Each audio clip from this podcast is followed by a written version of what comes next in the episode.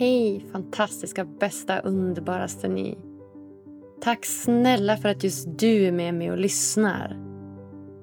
Jag sitter just nu på hemmakontoret här uppe i Umeå och har precis spelat in ett helt fantastiskt poddavsnitt som jag bara längtar efter att få släppa till er. Ja, jag blev helt extremt fylld med både värme, trygghet och gemenskap och kände att jag var tvungen att ta en lugn promenad så här efter inspelningarna för att riktigt ta chansen att njuta ordentligt av alla positiva känslor som har snurrat runt. Och för er som missat det så heter jag Agnes Sjöström och jag tycker det är så kul att eh, du vill vara med mig och lyssna och framförallt så klokt av dig att eh, välja just lycka och välmående i livet. För finns det något bättre? Nej, jag tror inte det. Men hörni, nu till ett lite djupare ämne. Har du också upplevt brutal rivalitet bland tjejer och kvinnor när du växte upp? Ja, det har nämligen jag och veckans gäst. Vi finner varandra i ett helt fantastiskt samtal där just ärlighet, transparens och tidigare erfarenheter får flöda fritt. Ja, jag trodde jag var helt ensam om att känna så här. Och jag väller nästan över av känslor när jag får höra att veckans gäst, Victoria Johansson, berättar en nästintill identisk upplevelse som min. Vi möts idag för att prata om Victorias skapande av plattformen Samtal med stora syster. En digital samtalscirkel där kvinnor möts för att stötta och peppa varandra. Samtalet kretsar oftast kring gemenskap, ärlighet och närhet. Och ibland lyfts också viktiga ämnen upp som till exempel intuition, medberoende, kärlek, lättfullhet eller intimitet. Och ibland är den också helt öppen där du får chans att dela precis det du vill. Idag pratar vi om hur det egentligen kommer sig att vi än idag upplever traumatiska reaktioner från barndomen i olika kvinnliga sammanhang. Varför är rivaliteten bland kvinnor så himla utbredd? Hur näthat utspelar sig på olika sätt? Och såklart hur vi kan stoppa den här rivaliteten. Hoppas ni ska tycka om det här samtalet lika mycket som jag. Varsågoda!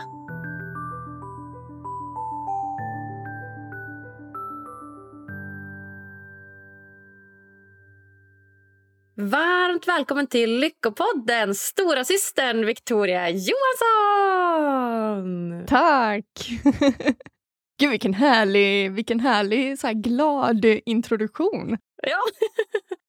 oh, jättefint. Vi sitter och tittar på varandra via Teams är det nu, du och jag. Det känns som att vi båda bara ler och jag känner att jag fick bara så här, ah, det nästan sprudlar i mig.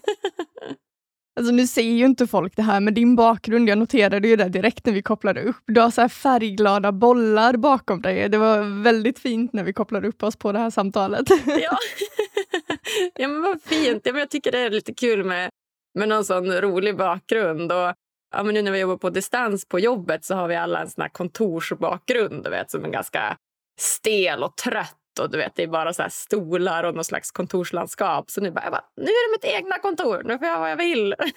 Men såklart. Så då blev det några roliga ja, men rosa, lila, orangea färgglada bollar. Kör på det. Vi behöver mer färg. Visst. Snart kommer hösten också. Så att... Visst, eller hur? Det blir färg i vardagen. eller hur? ja, Victoria, du känns ju jättepeppad. Är du det? Jag är jättepeppad. Det här kommer bli superskoj. Jag har ju lyssnat på din podd eh, flera gånger. Det är ju flera av mina vänner som har varit med också. Och speciellt det vi ska prata om idag med stora syster och ja, det får lyssnarna se vad vi ska prata om, tänker ja. jag. Men eh, det, jag är jätte, jättespänd över det här och jag är ju, det är superfint att sitta här tillsammans med dig och få prata om det här. Och jag har ju, jag har ju sagt att du får komma och vara med i Stora Syster snart. Ja! Det ser jag fram emot. Ja men exakt, du har ju bjudit in mig jag är så glad för det och det kommer jag absolut att vara. Jag älskar ju den, eh, den plattformen. Och för lyssnarna som inte vet vad det är så ja men du kanske vill berätta, vad är, vad är ja. Stora Syster för något? Jo, så Stora Syster är en, eh, ja, men en digital eh, samtalscirkel där eh, kvinnor möts för att ja, men prata mellan, om allt mellan himmel och jord egentligen, men som är kopplat till oss själva. Så varje cirkel så brukar vi vi brukar sätta ett tema. Vissa gånger så har vi valt att ha öppna cirklar för att liksom så checka in med vad det är som behöver pratas om i cirklarna. Istället för att sätta så här, okej, okay, idag ska vi prata om eh, relationer, idag ska vi prata om det här, det här, det här. Utan att faktiskt öppna upp rummet och prata om vad som är närvarande för de som deltar. Men eh, ofta så sätter vi teman och vi kommer ju, nu vet jag inte när det här kommer sändas, men vi kommer ju sätta igång för hösten igen nästa, eller nu på tisdag den tionde. Så då är det så intention för hösten till exempel. Och efter det så är det ja, men ritualer. Vad har man för ritualer på morgonen, på kvällen, under dagen som kan göra liksom, livet mycket lättare eller underlätta i alla fall. Mm. Så det är allt mellan himmel och jord och innan vi, eh, vi gick på vad ska man säga, sommarledighet så hade vi en cirkel om ja, men medberoende eller allra sista var att prata generationsklyftor. Och det var nog den mäktigaste cirkeln vi har haft. Då var det, då bjöd jag medvetet in yngre och äldre, alltså gick, här, kontaktade yngre och äldre så att vi verkligen skulle få den här spänningen mellan alla olika åldrar. Och att få höra de delningarna utifrån erfarenheter och perspektiv oavsett vilken ålder man befinner sig i, det var helt magiskt. Wow, det kan jag verkligen tänka mig. Och det blir perfekt, för jag tänkte att vi skulle släppa det här eh, avsnittet eh, nästa vecka. Så det blir på tisdag. Så det, är ju, ah. det blir väl eh, det datumet om ni har första cirkeln, så det är perfekt. Ja men perfekt. Så ni som lyssnar ikväll klockan 19.00 så är ni jättevälkomna till samtal med stora syster. Ja, ja men vad fint. Gjorde jag lite smygreklam, men jag hoppas det är okej. Okay. Det är helt okej. Okay, det är helt okej. Okay. Det är meningen. ja, perfekt. Men så himla spännande. Men då det här med generationsklyftorna då. Vad, vad kom ni in och pratade med då? Var det samhällsfrågor eller var det liksom mer personliga frågor eller vad pratade ni om? Vi utgår ju alltid från oss själva och personliga frågor. Samtal med stora syster är ju opolitiskt till att börja med, så vi pratar ju aldrig politik överhuvudtaget. Och är det någon som eh, ja, men kanske kommer in med en politisk agenda som deltagare i Stora Syster så är vi väldigt noga med här har vi våra principer, det här är våra regler. Vi pratar inte politik här inne, utan vi utgår ifrån oss själva, det som händer inom oss och hur vi kan stärka oss själva ut i samhället. Eller i relationer eller i vänskapsrelationer. Hur vi stärker oss själva helt enkelt.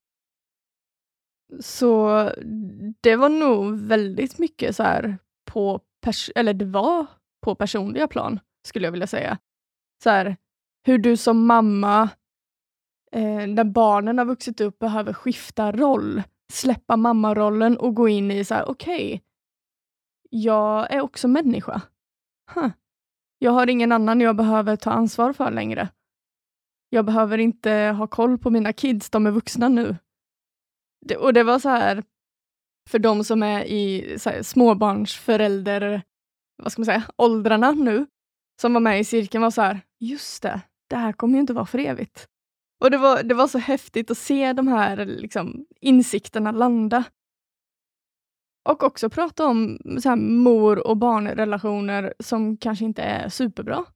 Och att det också finns, att det liksom inte är guld och gröna skogar hela tiden. Som ja, men, vissa gånger framställs på ja, men, här, sociala medier, att det är jätte, åh, här sitter jag med mitt barn och det är alltid helt fantastiskt. Det händer väldigt mycket bakom stängda dörrar också som vi inte ser. Mm, verkligen. Och det är det som också pratas om i Stora syster, där vi, vi vågar liksom lägga det råa på bordet och sanningen. Och det, det är väldigt häftigt att se. Mm. Vad fint. Hur länge, hur länge har cirkeln funnits? Vi eh, satte igång i maj, tror jag, 2020. Så egentligen så började ju, det var ju storebror som började först. Så vi är ju, vi, som är en eh, digital manscirkel. Så det är copy-paste på varandra egentligen. Så de satte igång först. Och så blev jag så här, men jag vill också vara med. En, jag vill också vara med. Men ja. precis, det var, men det var ju en sån grej. Jag vill sitta som en fluga på väggen och se vad som händer här inne. Ja. Men eh, det finns också en anledning till varför jag startade Stora Syster och det är att jag har ju inte haft världens bästa relation med kvinnor innan. Vilket har gjort att jag har stött bort kvinnor, jag har, ehm, jag har bara i princip umgåtts med män, jag har i princip bara jobbat med män under hela min karriär. Och så var det en god vän till mig som sa, när jag triggade på kvinnor, jag satt och hade en rant om kvinnor för några år sedan, så sa han, vänta nu, det här är kanske någonting du borde utforska och se vad det här handlar om egentligen. Och insåg ju att jag är, ja men jag, jag var rädd för kvinnor, att vara i en kontext med kvinnor, för vad, vi, vad jag var van vid ifrån skolgången till exempel var att eh, bli backstabbad. Ah, alltså Victoria, alltså du vet, samma här. Alltså mm. alltid. Alltså det är första gången jag hör en annan kvinna säga det här. Men exakt samma här. Alltid haft mycket lättare att umgås med män, alltid jobbat nära män, alltid haft män som bästa vänner eller som du vet, just på grund av den jargongen som finns bland kvinnor och som verkligen vi har vuxit upp med. Jag vet inte, vad är det för ålder på dig? Du... Jag är 90. Du är 90, ja, jag är 91. Så vi kommer från samma årgång. Liksom. Så 30-31. Och alltså det var Bra vin. Alltså, ja, bra. Men det var, alltså, det var fruktansvärt att växa upp då. Ja. Nej, men det var inte, det var inte alls kul. Och det sätter sig ju i kroppen. Det sätter sig i nervsystemet och det liksom... Det känns. Jag kan ju fortfarande idag när jag är på en dålig plats bli så här, nej det här kan inte jag dela för någon annan än mina killkompisar. Mm. Visst, nu har jag mina väldigt nära kvinnliga vänner som är så här, jag, jag kommer alltid gå till er. Det är mm. inget snack om saken. Men eh, att det då började med att jag startade upp Stora Syster på grund av att jag var rädd för att sitta i en kontext med kvinnor. Och har liksom skiftat det här helt och hållet på hur jag ser på systerskap och hur viktigt sy systerskap är och varför vi behöver varandra. Att vi tittar bortom rivaliteten som kan ofta uppstå och se hur vi kan men, jag vet inte om vi prat, redan har pratat om det här eller om det var innan vi började spela in, men hur vi kan stötta varandra. Hur kvinnor kan stötta varandra att kliva fram ännu mer mm. i, sin, ja, men i sin kraft eller hitta vad det är du vill göra och pusha varandra till att säga, ja, men, vad behöver du? Jag finns här för dig. Så hur kan jag stötta dig till att ta dig framåt? Och också be om hjälp från andra kvinnor. Att här, jag sitter med det här, det är skitjobbigt, vad ska jag göra? Jag behöver perspektiv. Mm.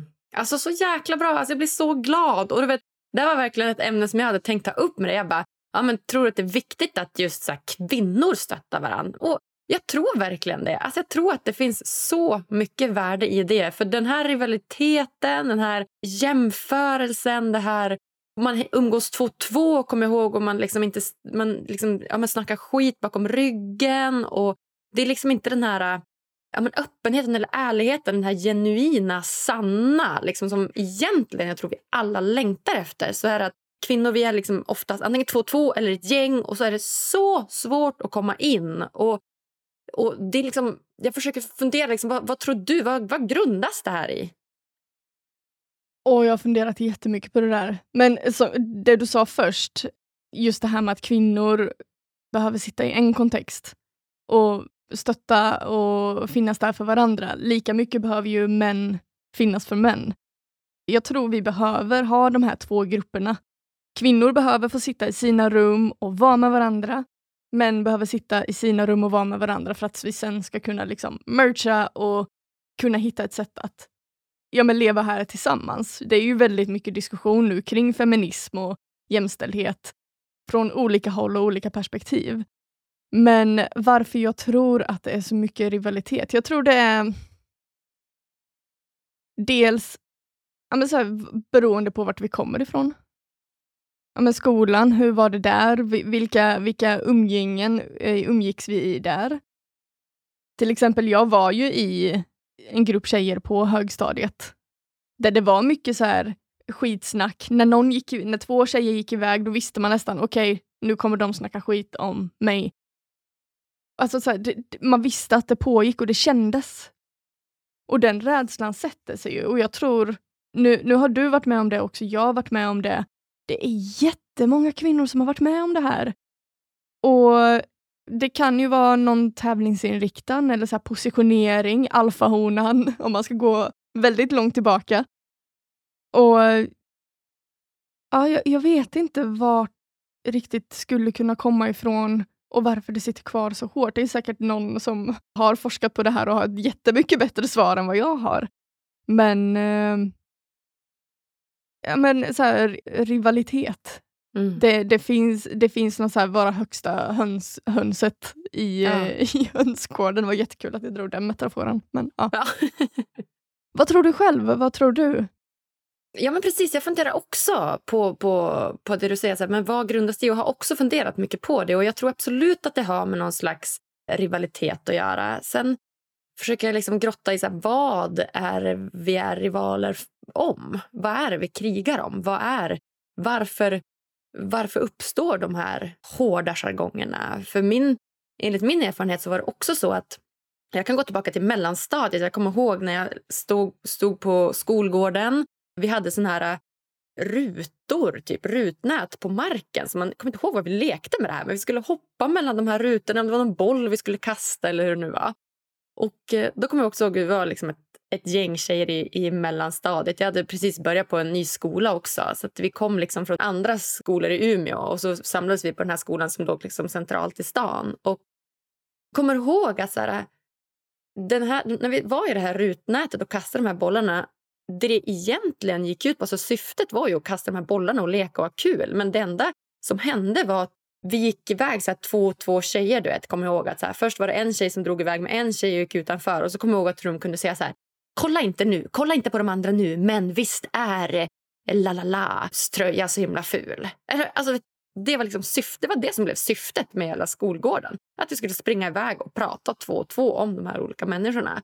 Och alltså jag vill ju tro att det grundas i någon osäkerhet, i någon rädsla av att inte passa in.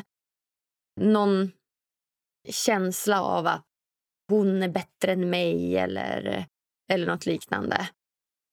Och Samtidigt tycker jag att det är hemskt att det utspelar sig i så ung ålder. Och Redan där så börjar jag fundera på så vad, vad är det som gör att vi redan så unga börjar jämföra oss så mycket med varann. Mm. Det som är obehagligt där, tycker jag, är ju att det där går ju bara lägre och lägre ner i åldrarna också. Till skillnad från när vi var unga ja, men om vi tar så här, kro eh, bli kroppsmedveten till exempel. Jag kanske började bli det när jag gick på mellanstadiet. Men det har ju, det har ju blivit ännu lägre nu. Det börjar ju redan på lågstadiet, om inte ännu tidigare. Och jag tänker att just det här jämförandet, om det börjar så tidigt, så tänker jag att också så här, det här positioneringen, rivaliteten börjar också ännu tidigare idag. Så jag tror just det här ja, men som är stora syster och det finns ju andra grupper också som jobbar för att kvinnor ska, ska knyta samman. Det är Nordic Women's Gathering till exempel, som är en gathering över en helg, som var min första upplevelse av att träffa en grupp med kvinnor på en och samma plats. Mm -hmm, vi var väl, jag tror vi var 60 kvinnor som åkte till, jag tror vi, jag tror vi var på Ängsbacka. Men i alla fall så bara att kliva in i den här ladan och se liksom 59 andra kvinnor och jag bara känner hur det börjar kall alltså svettas om mina händer. Att jag ska vara i det här rummet tillsammans med alla de här kvinnorna och börja dela om mig själv. Nej, det, inte bara att det är kvinnor utan det är 60 personer också. Nu känns det som att jag spann i, i, iväg ifrån frågan. Just det, men jo, att jag tror att vi behöver prata om det här redan på på, alltså redan i skolåren. Det är samma sak, behöva liksom prata ja, men kanske filosofi, personlig utveckling, psykologi på en djupare nivå redan i skolan än att vi ska behöva finna ett intresse av det längre fram. Så att vi kan förstå vad är det som pågår i kroppen när jag känner ilska, vad är det som pågår i kroppen när jag börjar känna ångest, hur kan jag hantera det? Vad är det min kropp försöker säga mig när jag känner de här känslorna? Mm. Det är ingen som lär sig idag om man har tur så har man föräldrar som kan de här grejerna och kan lära sitt barn det i så fall. Ja, då ska man ha tur. Mm. Ja, men verkligen. Nej, du har verkligen helt rätt. Du har verkligen helt rätt. Jag tror också det. Och, och kanske redan ja, men i skolan ha såna här liksom, kvinnocirklar och manscirklar och kanske prata liksom, i mindre grupper och skapa någon slags klimat där det är okej okay att så här, vara den du faktiskt är. För att jag kommer ihåg bara i klassrummet tyckte jag det var skitjobbigt. Alltså där det var, var 20-30 elever. Och så redan där ska man då ja, men, räcka upp handen och man ska prata inför alla. och Det är högläsning, man ska läsa inför alla. och jag tyckte det skapade jättemycket ångest om man inte var liksom väl förberedd. Och Jag har haft ganska svårt i skolan. Så här. Jag har alltid måste läsa och plugga väldigt mycket för att det ska liksom gå in. Och På det sättet har det verkligen gjort att ja, men det har varit så jobbigt att göra det i ett sammanhang där man inte känner sig trygg. Så att, mm. verkligen, Jag tror också att det är liksom, kanske mindre grupper i skolan oftare och att man kanske könsfördelar dem ibland just för att få de här gemensamma nämnare som kanske gör att vi kan knyta an till varandra på ett annat sätt. Och Speciellt för kvinnor, och minska den här liksom rivaliteten och göra att ja, men vi faktiskt ja, men lyfter varann istället. Och så här, vad, vill, vad vill du ha hjälp med? Vad vill du ha hjälp med? Ja, kanske du kan hjälpa henne med det och henne kan, hon kan hjälpa dig med det. Och att man aktivt förebygger det på något sätt. Sen på något plan så tror jag att just den här rivaliteten kan också behövas. Nu, så, nu, nu, nu kommer jag kanske låta som att jag motsäger allting jag sagt precis innan, men det handlar också om att träna på konflikter. Så visst, det kanske är så här, rivalitet, men att också kunna våga gå fram och säga, nej men det här är inte okej. Okay. Det här är inte okej okay, det som händer just nu. Så just eh, det som händer på, på skolgården eller i skolan, eller det som händer i våran ålder när det kommer upp, att ja, men det har varit skitsnack eller någon har blivit utfryst på arbetsplatsen. Det är inte det lättaste att gå fram och säga, vet du vad? Det som händer just nu, det är inte okej, okay, men jag tror vi behöver sitta ner och prata om det och lägga liksom korten på bordet och lösa det här så att vi kan vara här tillsammans. Så det är ju också en lärokurva kring att okej, okay, det här är en situation jag behöver hantera. Gör inte mig själv till ett offer för en situation, utan okej, okay, vi måste ta tag i det här och jag vet att det är skitjobbigt. Jag är konflikträdd och det är så här, det är utmanande varje gång jag ska gå in och ta ett samtal eller vara i en konflikt och stanna där för att lösa någonting. Det är också en grej jag hade velat ta med in i skolan, att lära sig kommunikation och konflikt. Viktigt, så viktigt. Jag håller helt med. Det är ju fortfarande superutmanande. Oh, ja, gud, ja. Det är för att vi har aldrig tränat på det. Vi har ju aldrig fått, vi har aldrig fått lära oss hur man hanterar en konflikt. Utan det jag tycker oftast att det har blivit, ja, men om jag kollar liksom ner i åldrarna på alla tjejkompisar jag haft genom tiderna. Jag har också jättefina tjejkompisar idag som jag är jättenära och som är liksom mina närmsta bästa vänner. Men också de som jag haft genom åren som har försvunnit. Det är oftast att det har ju blivit, det har uppstått en konflikt eller ett bråk och så är det bara, du vet, man, man pratar inte med varandra mer och man har ingen mer kontakt och du vet, man, ja, man bara rinner ut i sanden. Och det sätter sig också, som du pratade om tidigare, att det blir som ett, ett slags trauma i kroppen. Alltså kroppen kommer ihåg vad som har hänt. Och att du, du upplever det liksom gång på gång. Och och ibland kan du inte ens förstå vad det är du, du upplever där ute. Du kanske känner dig superhotad av någon kvinna på stan och så plötsligt så har du så här, ingen aning om var, varför känner jag mig så hotad av henne. Och så är det du vet, något mönster som har varit sen way back. Att du liksom har någon olöst konflikt med någon som hade samma dialekt eller uttal eller åsikt som henne. Så, så, att, så himla viktigt att, ja, men att faktiskt motverka det här. Ja men verkligen, verkligen. Jag kom bara på en fråga här till dig nu när vi, när vi satt och pratade om det här. Har du gjort slut med en vän någon gång? Eh, bra fråga. Eh, gjort slut? Alltså inte på ett liksom ett sånt tydligt sätt, tror jag. Inte som jag gjort slut med en pojkvän, till exempel. Att bara, ja, men det här fungerar inte längre på grund av det här och det här så vi kanske borde göra slut. Det har jag aldrig gjort med en vän. Nej, utan det är bara det här att det har liksom runnit i sanden och så fortsätter man vara ovänner. Typ. Mm. Du då? Det var inte meningen att du skulle ställa tillbaka frågan. Nej, jag skojar. så bra fråga dock. Ja, eh, men jag, jag och mina vänner har pratat om det här några gånger och en vän till mig och jag har liksom suttit och pratat om vad är egentligen skillnaden mellan en vänskapsrelation och en kärleksrelation förutom sex. Och jag, jag har blivit väldigt noga med att stänga dörrar. Så här, en, energidörrar. Det var en så rolig situation här i, på, på jobbet då en kollega lämnade skåpsluckorna öppna i, i köket. Och jag kan bli galen på det. Mitt ex gjorde också det väldigt ofta, så här, lämnade alla skåp, skåpsluckor öppna och jag var så här, jag kände hur energin drog till köket hela tiden och jag höll på att bli galen. Men så pratade vi om det, att det är ju en jämförelse till vad, vad man behöver göra för sig själv. Att här, stänga dörrar, inte ha kanske oavslutade relationer.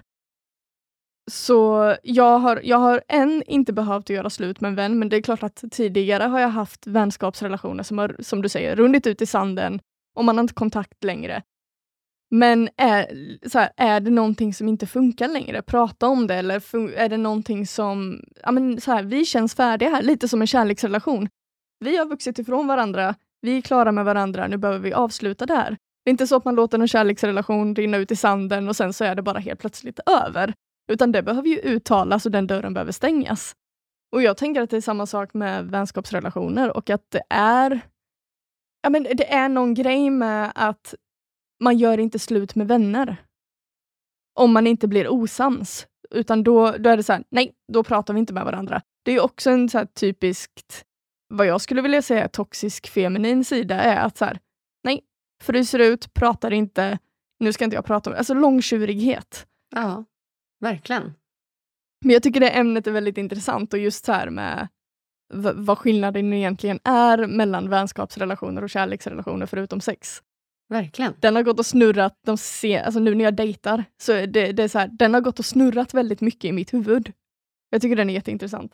Ja, jag fattar det. Slänga in den här också. Ja, ja men tack snälla för frågan. Det var ju en skitspännande fråga. Och som du säger, att jag tror att det är en anledning till att vi just är så också konflikträdda och har svårt för att liksom sätta gränser eller prata om såna liksom mer utmanande eh, frågor och som att så här, men jag uppskattar inte det här beteendet eller så här, jag blir ledsen när du gör det här. Och då, ja, men som kvinna eller som jag har gjort i mitt liv så har jag istället för att ta de samtalen att så här, vet du vad, jag blir ledsen när ni går iväg och pratar om mig eller jag upplever det här som jättejobbigt. Istället för att säga det så blir det då igen den här rinna ut i sanden, inte säga, inte vara jobbig, inte... Kanske det också. Att så här, osäkerhet i just att ja, men just kommunicera och säga vad man känner och tycker. Och det är ju att sitta med känslorna av obehag. Mm. Du har ingen aning om, när du öppnar upp ett sånt samtal, du har ingen aning om hur andra personen kommer ta det. Eller hur det här samtalet kommer sluta. Det kan ju sluta superbra, att ni kommer närmare varandra. Det kan också sluta med att den där personen bara springer ut genom dörren och tycker du är dum i huvudet. Så att det är så här, man vet inte och det handlar ju också om att tappa kontrollen. För du har ju inte kontroll över situationen och hur den andra personen ska reagera. Så ovisshet, tappa kontroll och vara i obehag. Det är tre riktigt härliga känslor. Eller hur? Samtidigt också. Nu ska du göra de här sakerna samtidigt som du aldrig har tränat på i hela ditt liv. Alltså det, Precis. det är utmanande. Så att, eh, verkligen ner i åldrarna tycker jag och prata mer om sånt här och, och lära sig mm. mer konflikthantering. Mm. Mm, verkligen. Mm. Så spännande. Ha, Victoria, har du någonsin varit utsatt för någon typ av näthat eller liknande? Jag har varit väldigt skonad för det faktiskt. Tills, eller näthat och näthat, det finns väl olika definitioner på det och hur olika starkt det är. Men när jag började uttrycka mig om mina tankar och åsikter om feminism till exempel, och vad jag tycker om det och vart jag står, så var det ju många kvinnor som skrev till mig både privat och i, eh, i kommentarsfält hur, eh, hur dum i huvudet jag är, liksom, som har de här åsikterna och att jag inte stöttar kvinnor, att jag, det är en skam för systerskapet och ja, men att jag driver stora syster och har de här åsikterna. I och med att jag jobbar med det jag jobbar med, att jag jobbar som producent för Hur kan vi? Vi är i konflikt hela tiden. Vi har varit med om några drev. Så jag har ju ändå, innan jag ens har börjat uttrycka mig om någonting, fått en ganska skarp lärokurva hur jag ska hålla mig själv i sådana situationer, men också hur jag ska svara an. Eller inte ens svara an överhuvudtaget, för att det finns ingen mening med det, för ofta så går det inte nå personerna som sitter och näthatar, utan de har bestämt sig för vad de tycker och tänker. Så att, och sen också föra en, ett samtal eller en diskussion i text, det är inte det mest ultimata att göra, upplever jag. Så jag har varit skonad, men lärt mig, vad ska man säga, lärt mig på andras bekostnad, som har varit ansiktet utåt än eh, att det har varit jag. Mm. Ja, men skönt att kunna ha den skolan då i vart fall. Att eh, ja, men du har fått stå bakom kanske då, ja, men andra, i andra sammanhang men kanske inte att du har varit riktigt ansiktet utåt. Att du har fått lära dig lite, lite grann. Varför, varför tror du att det finns så mycket näthat idag? Jag tror det är också kopplat till eh, ja, men de, dels ensamhet. Mm. Och att det är stagnerade känslor som inte får komma ut på ett konstruktivt sätt. Eh, alltså, tänk dig du vet, en tryckkokare. Det, det fylls på, det fylls på, fylls på, locket börjar skaka. Till slut måste det ju ut någonstans. Och vissa väljer att uttrycka det genom självskadebeteende och vissa sitter bakom en skärm och skri här, skriker galla på andra människor och låter det gå ut över andra. Nu ska vi se om jag minns hennes namn. Jag tror det var hette hon Anna Björklund som jobbar för Göteborgs-Posten. Hon skrev en, eh, en eh, artikel eller en krönika om just när det kommer till ja, men drev och näthat och vilka det är som sitter bakom skärmarna och skriver de här arga kommentarerna. Eller vilka det är som sätter igång dreven, alltså det psykologiska. Och hon skriver det att ofta så är det män som sitter bakom skärmen på Youtube till exempel och skriver de här arga kommentarerna.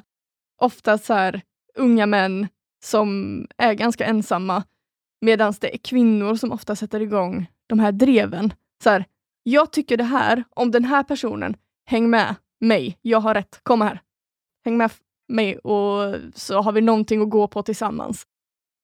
Och jag tänker att när jag har sett när det har hänt saker på till exempel Instagram så är det oftast kvinnor som dras med i så här, den här personen har gjort det här, nu ska vi på henne, till exempel.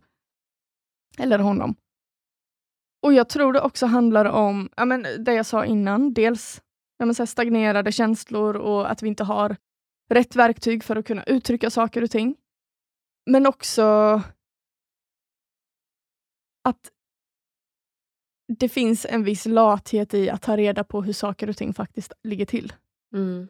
Och bristen på att sätta sig i en, sätta sig i någon annans skor, det gör man ju inte, men ställa sig i någon annans skor och se det utifrån det perspektivet. Jag, eh, jag minns när jag, jag, skrev någon text kring just systerskap och sammanhållning och, så här, och delade storyn kring min relation med kvinnor som jag haft tidigare. Så var det en, en, en kvinna som skrev till mig, vet du vad, jag känner inte igen mig alls i det där. Jag tycker det du skriver är jättekonstigt. Vadå inte systerskap? Det är klart det finns systerskap ända sedan man var liten. Det, jag har haft det. Och jag, jag kände att jag blev jättetriggad direkt. Så här. Men hur kan du sitta, sitta och säga till mig att det jag har upplevt inte är sant? Tills jag började så här, tänka, men okej, okay, här har vi ju olika läger. Det finns kvinnor som har haft systerskap, har haft stöd från kvinnor hela sin uppväxt. Kanske inte haft samma relation till män som jag har haft. Men så har vi, ja, men som dig och mig, som har haft vår relation till kvinnor och vår relation till män. Båda får plats. Men vi behöver också kunna se varandras perspektiv och det är ju där lärandet är. Att kunna se varandra i de här olika perspektiven. Att ja, du kommer från en annan typ av liv, ett annat typ av liv, en annan typ av uppväxt och jag kommer från en annan. Så, hur kan vi lära oss av varandra? Hur kan du lära mig att komma i kontakt med kvinnor? Hur kan jag lära dig att kanske få en bättre rela relation till män, eller till mig själv, eller whatever. Så jag tror det är det, återigen vi kommer tillbaka till så här, vad händer i mig själv? Och det är det vi pratar om i Stora Syster hela tiden. Där, ta alltid tillbaka dina berättelser, det du delar till dig själv. Prata ur jag-perspektiv. Prata inte för någon annan. Mm.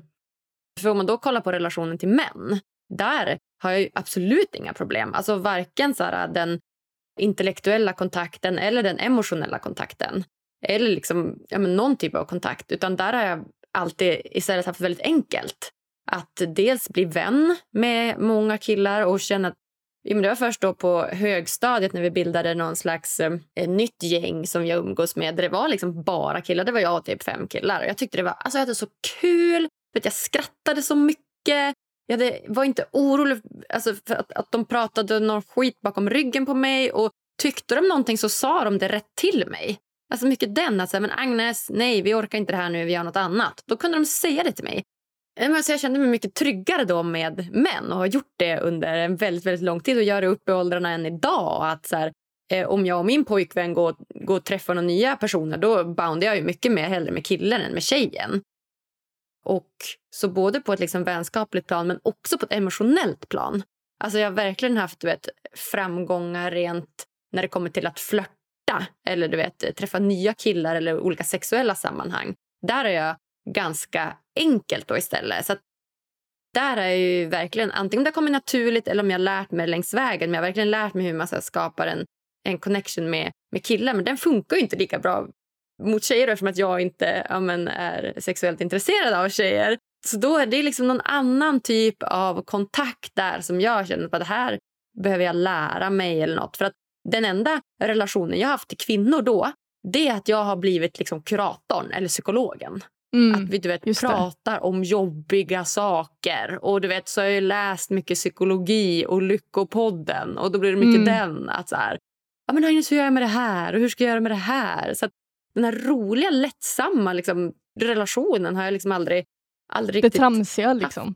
Ja men precis, det tramsiga, ja. tramsiga, roliga, skojiga som jag är så behov av. Så vad, vad har du liksom lärt dig längs vägen? För det känns som att du också varit väldigt medveten om det här och har velat utvecklas. Hur, hur har du gjort liksom för att kunna skapa de här trevliga relationerna med kvinnor? Jag, jag bytte ju ut hela min umgängeskrets i princip för ungefär fyra år sedan. Mm -hmm. Ja, men jag började jobba med Navid och så började jag komma in i den umgängeskretsen. Jag blev väldigt god vän till eh, en, en kvinna i Malmö som var i samma krets. Och där var ju den här typen av eh, re eh, relaterande på ett helt annat sätt än vad jag var van vid. Det var liksom rak kommunikation. Det var att dela, vet du vad? Jag känner så här, du gjorde så här och det kändes så här i mig och jag känner att vi, vi behöver prata om det här. Vilket ju, det var ju skitjobbigt. Där har vi ju konflikt igen. Det var så här, åh gud vad jobbigt. Men samtidigt, på tal om det du pratade om trygghet, att just att den här personen eller de här personerna jag har runt om mig är så trygga med att kunna säga jag kände så här och det var skitjobbigt. Jag behöver prata om det. Kan vi göra det? Gör att jag litar på den personen mer. Mm. Så att just det här det, det, du sa om rakhet, att vara tydlig, men att också vara rak och tydlig med kärlek. Och att det inte blir passivt aggressivt eller aggressivt överhuvudtaget. Det skapar trygghet. Mm. Och just det här om man, om man ska koppla det till så här duktig flicka-syndromet och sätta upp en bild av så här ska jag vara. Så här vill jag framställa mig för andra människor. Att jag är jätteduktig, jag är omtyckt och jag vill att alla ska tycka om mig den, och den drog jag ju ur mig själv, för den har varit väldigt levande i mitt liv väldigt länge. Tills det var en person som sa till mig, så här, tittade mig i ögonen och bara, alla tycker inte om dig. och hade alla tyckt om dig, så hade du gjort någonting fel. Bra där. Jag bara, hmm, yes. När den landade, jag bara, ha, nu. Det, det, var, det var så kul, för då var jag så här, okej, okay, nu ska jag se till att få reda på vilka som inte tycker om mig, då vet jag att jag gör någonting rätt. Men, för jag kan bli väldigt så här, äh, jag, jag, jag har en tendens att kunna gå väldigt mycket åt det ena eller det andra hållet innan jag kommer tillbaka och är i mitten i gråskalorna. Liksom. Men eh, är det någonting som har skapat trygghet för mig så är det verkligen rakhet och ärlighet.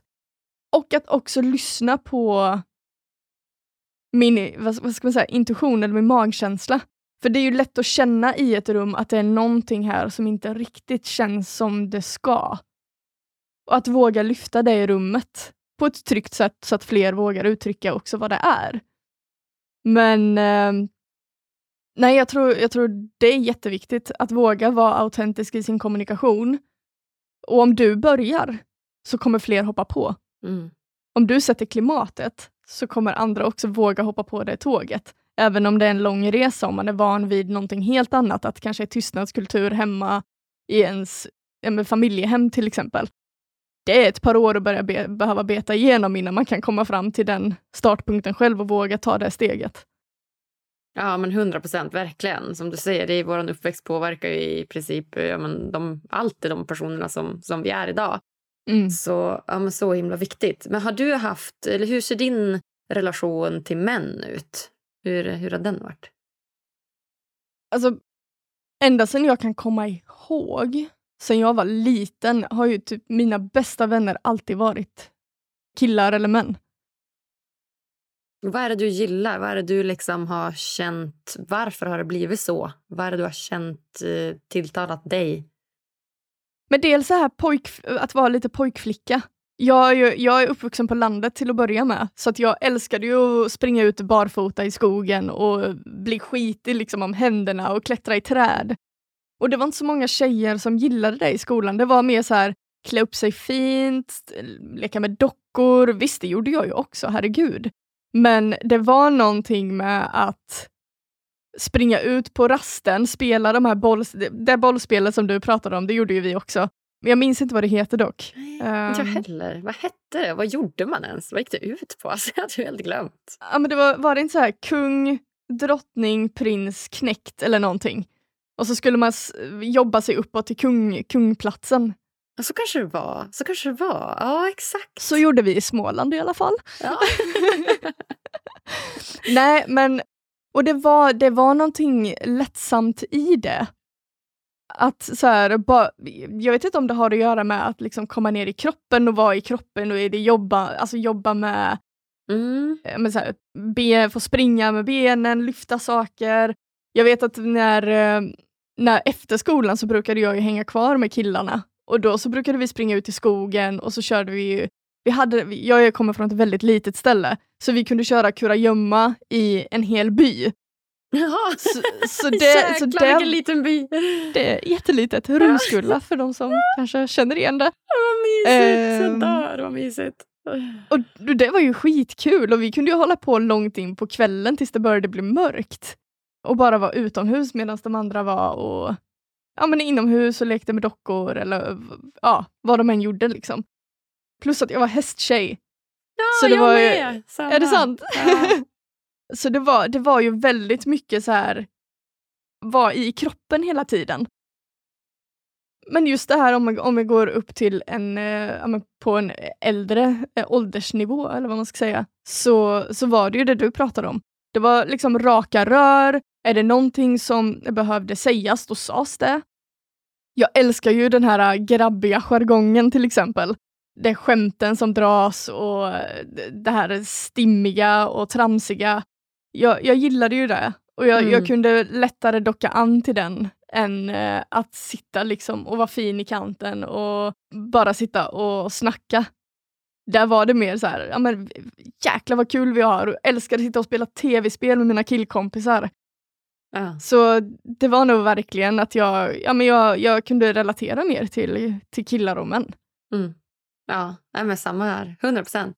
Så idag då när du umgås med, med tjejer, liksom dina bästa tjejkompisar, vad, vad gör ni ihop? Vad tycker ni om att göra?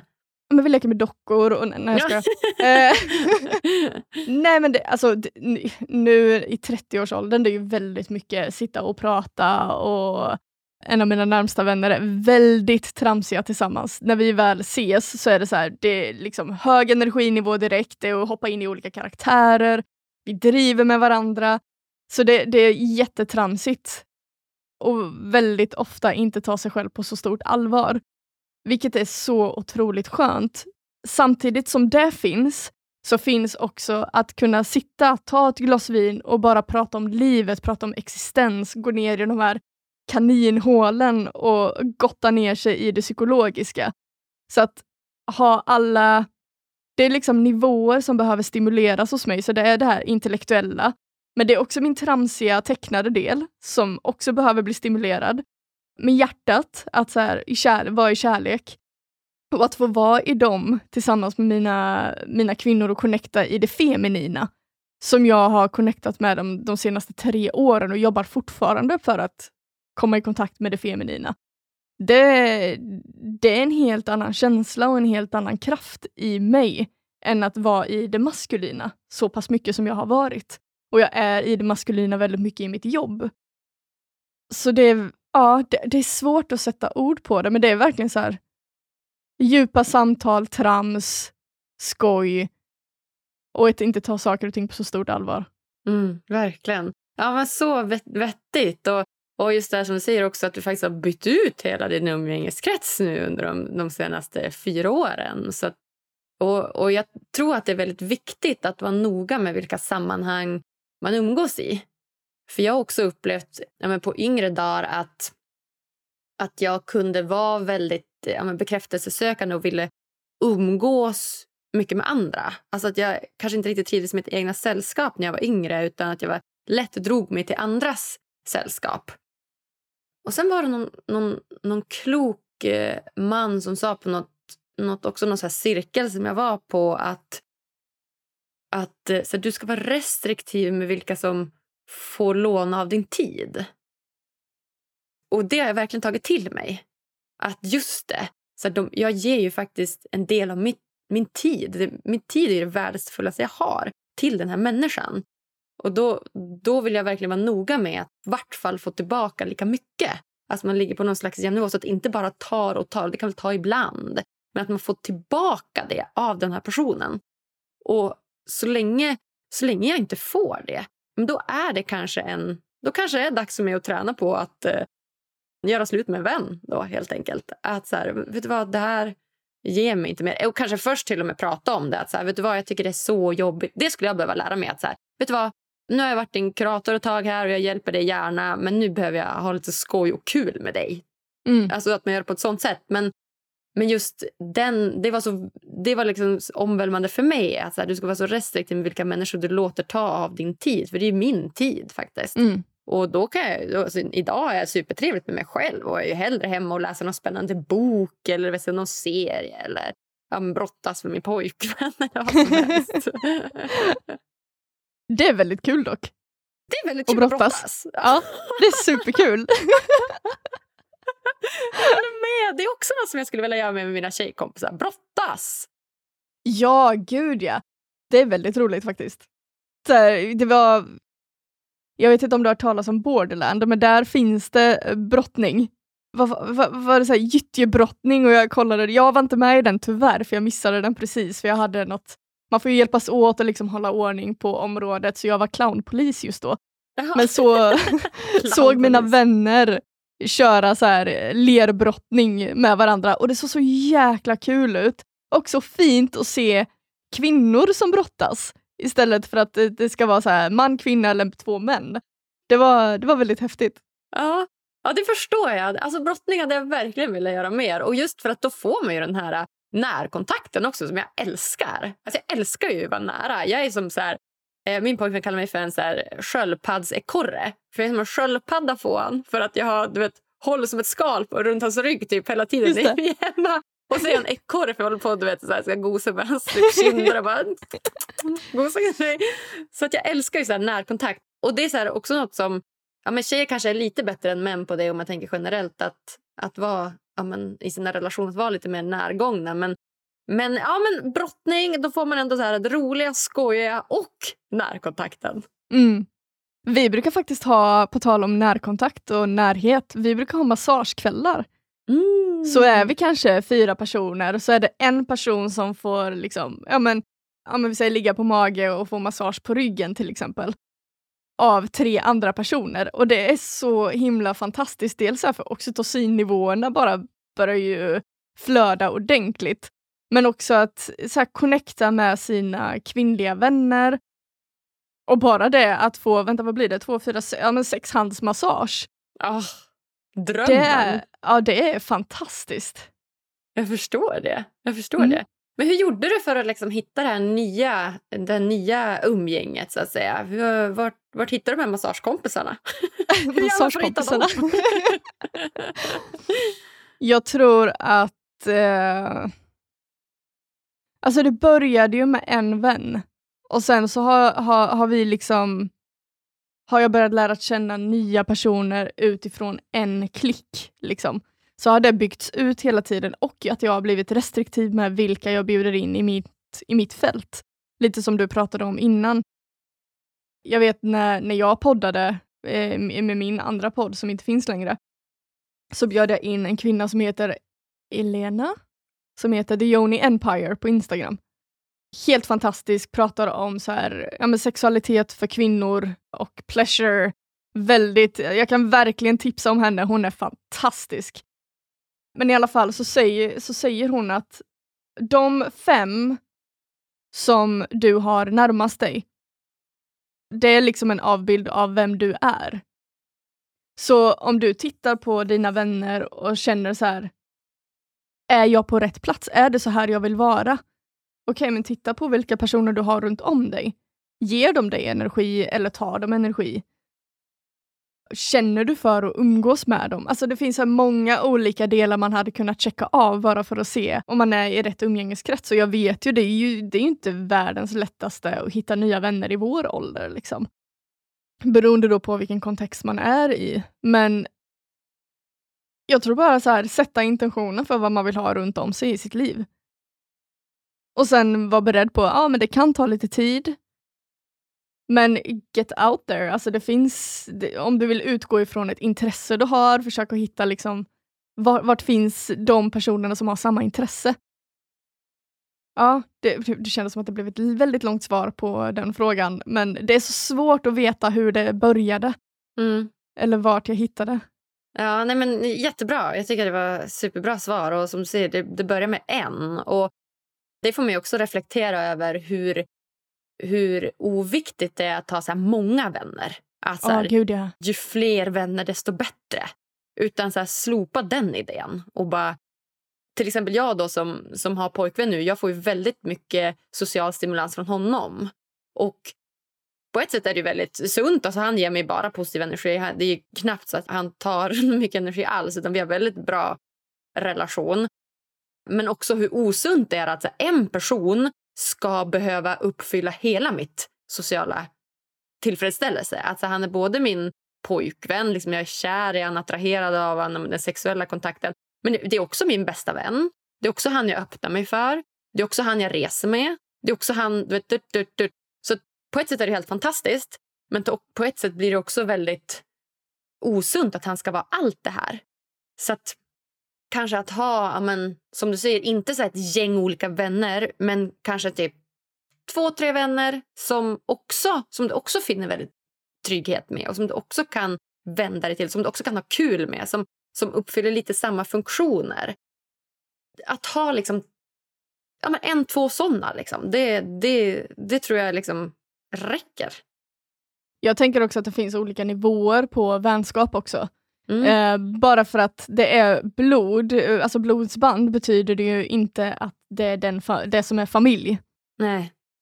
Men att för mina allra närmaste vänner, det är ju min familj. Och min riktiga familj då. Så jag ser det som familj, sen har jag vänner, sen har jag bekanta. Så att, ja men så här, min närmaste, närmaste, närmaste klick är ju min familj. Det är mina bröder, systrar, de jag verkligen kan vända mig till när det brinner. Sen har jag ja, men mina vänner, det är så här, ja, kul, vi känner varandra liksom. Och sen bekanta då som man liksom hejar lite på ibland. Och också så här, jag tror det är jätteviktigt att komma ihåg att en person inte ska vara den som täcker alla behov. Nej, precis. För jag känner igen mig i det där, för jag, min, min, mitt ex var ju en sån person för mig. Så han, han täckte alla behov, trodde jag då. Ja. och, och fastnade i det där och det var ju flera, flera år som jag var så här, ja men vi, det var bara vi som umgicks liksom och skulle jag någonstans då hängde han med, skulle han någonstans då hängde jag med. Och jag tror det är jätteviktigt att ha distansen till varandra också, så här, möjligheten att få sakna varandra. Och att det är inte meningen att en partner ska uppfylla alla behov. Absolut jag tror det är väldigt inte. viktigt att komma ihåg, för då tror ja. jag Ellen dör så småningom. Ja. ja men jag håller helt med. Och det här var spännande. Vi pratade precis om det här igår. Då mm. hade vi mhm. en, en ja, två timmar som vi hade som behovstimmar. Så pratade vi om våra behov. Att så här, vad behöver du och vad behöver du? Och då pratade vi väldigt mycket om just den grejen. Möjligheten att få sakna varandra. Att så här, vikten av att han åker bort ibland och jag åker bort ibland och vi gör olika saker. Och ja, men vi, vi försöker vara väldigt medvetna, alltså på ett ödmjukt sätt. Sen är vi ju har varit tillsammans i typ två år, så vi är fortfarande väldigt så här, nykära. Du vet, den här sköldpaddeekorren igen. Att så här, vi vill bara sitta ihop. Typ. Men man mm. verkligen så här, försöker bara, uh, dra, dra sig ifrån varandra lite grann. Och som du säger, vikten av att då, ja, men han får fylla liksom, ett, en del av mitt sociala behov men att också mina fina tjejkompisar som jag faktiskt har, de får fylla en del. Och jag känner fortfarande hur jag är på jakt efter liksom, nya tjejkompisar och, och nya personer som också kan fylla ett sånt mer nära behov, typ som en familj som du pratade om. Att så här, det här är liksom mina närmsta närmsta. Så det är fint.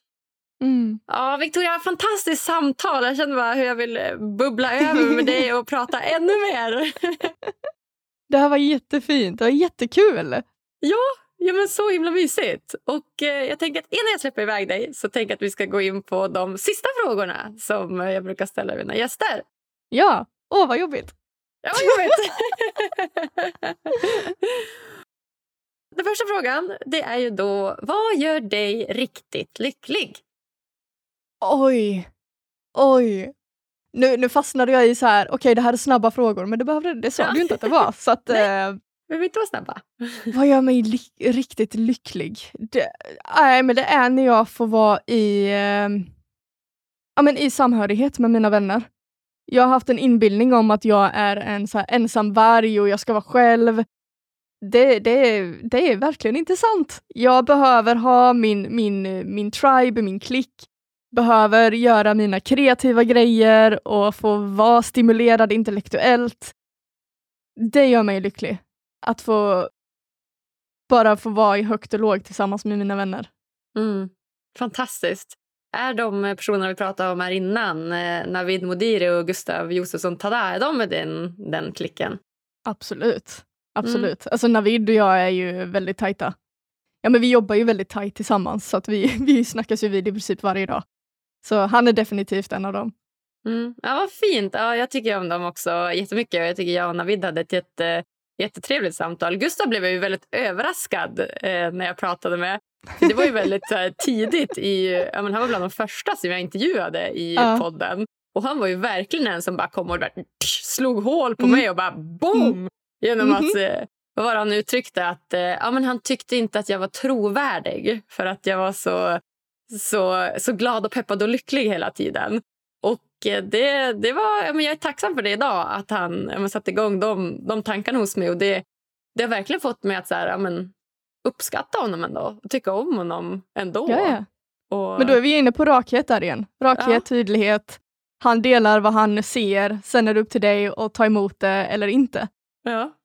Så det, det är väldigt tacksamt att ha sådana människor i sitt liv som kan spräcka hål på ens egen bubbla som man själv inte ser för att man är ens egen blinda fläck också. Ja, Ja, men det är man verkligen. Så just den grejen, och det får höra det ganska ofta och det är ofta någon kritik jag får att så här, ah, men, men du är så himla glad och positiv och du är alldeles för, vet jag tror inte på det för du är för liksom, glad och positiv och sprallig och, och ja, men jag reflekterar över det också, så här, jag förstår, jag förstår den, ja, men den bilden av mig och jag blir ju som sagt väldigt här uppe när jag pratar med typ dig och andra. Jag känner mig fortfarande vet, här uppe. Mm.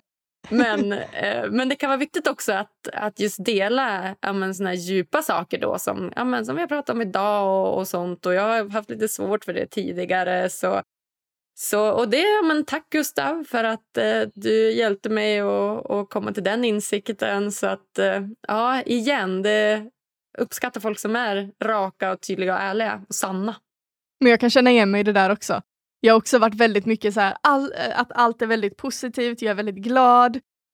Men sen alltså bakom stängda dörrar så har jag haft det jäkligt kämpigt.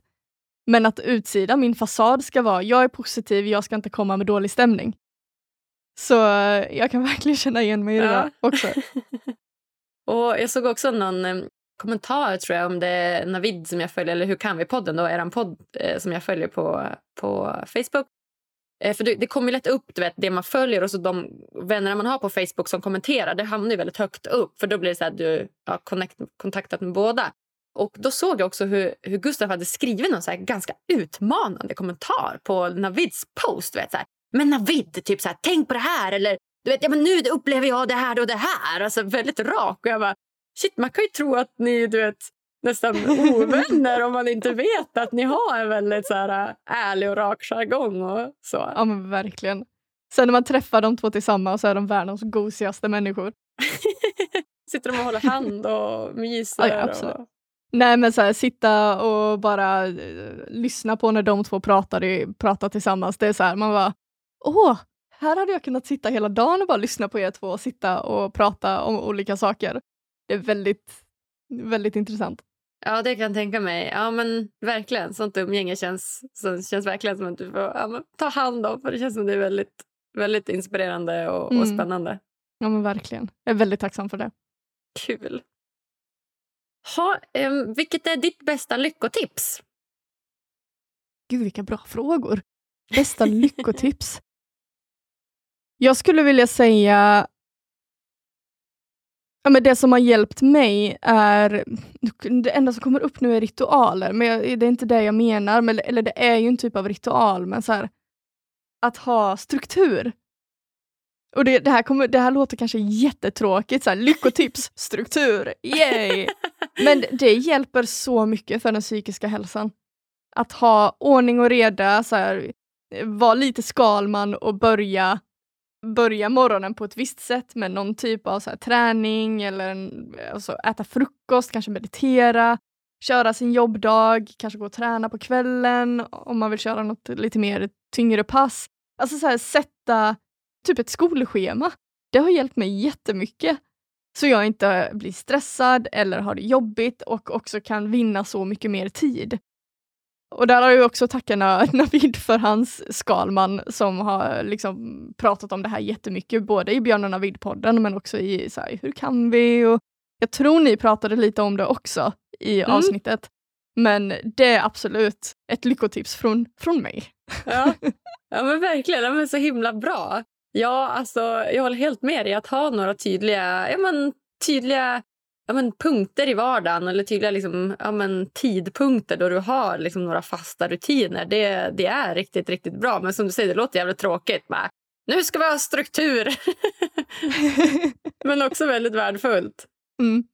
Det låter tråkigt när man säger det, men mitt hjärta blir så här... Ah. Ja, ja, men eller hur? Så himla fint. har du några sådana som du vill dela med dig av? Några strukturer som du har i vardagen som, som du tycker är viktiga? Nu under sommaren så det, har, har det här ju tappats lite för att eh, ja, men det har varit sena nätter och det har varit mycket häng och prioriterad sömn. Men, ja, men där, definitivt sömn. Åtta timmars sömn. Om jag får mindre, då, då får jag ångest. Det Alltså, så? hå- håll, håller inte jag ordning på sömnen, då får jag ångest. Typ som nu, jag, jag delade för det att jag har varit sjuk nu en vecka. Och när jag är sjuk så får jag alltid jättemycket mardrömmar, så jag har sovit jättedåligt nu i en vecka. Så jag märker ju att det är någonting i kroppen, så här, små, små gubbar i min kropp. Hallå, du borde du, gå och lägg dig lite tag för att vi, vi, mår, mår, vi mår dåligt här inne.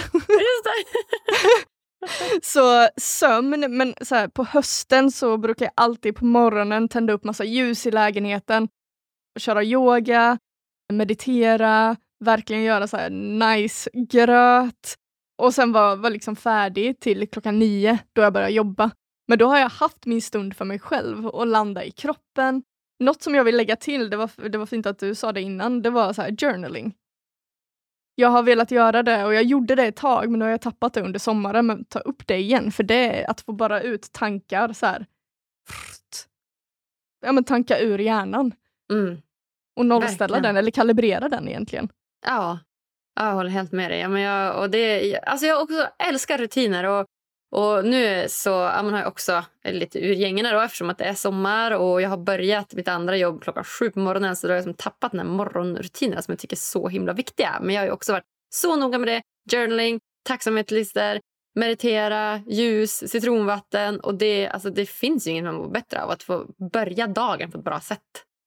Och det finns inget som går upp mot första klunken kaffe på morgonen. det är ju så!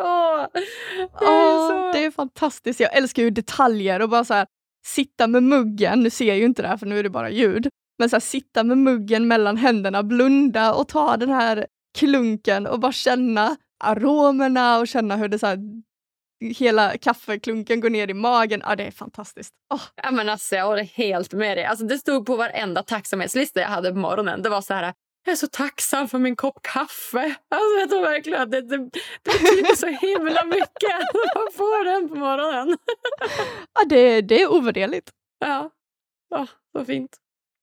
Ha, jag tänkte att vi ska prova en ny fråga här också som mina, eh, mina slutgiltiga frågor här. För jag har haft mm -hmm. samma så himla länge.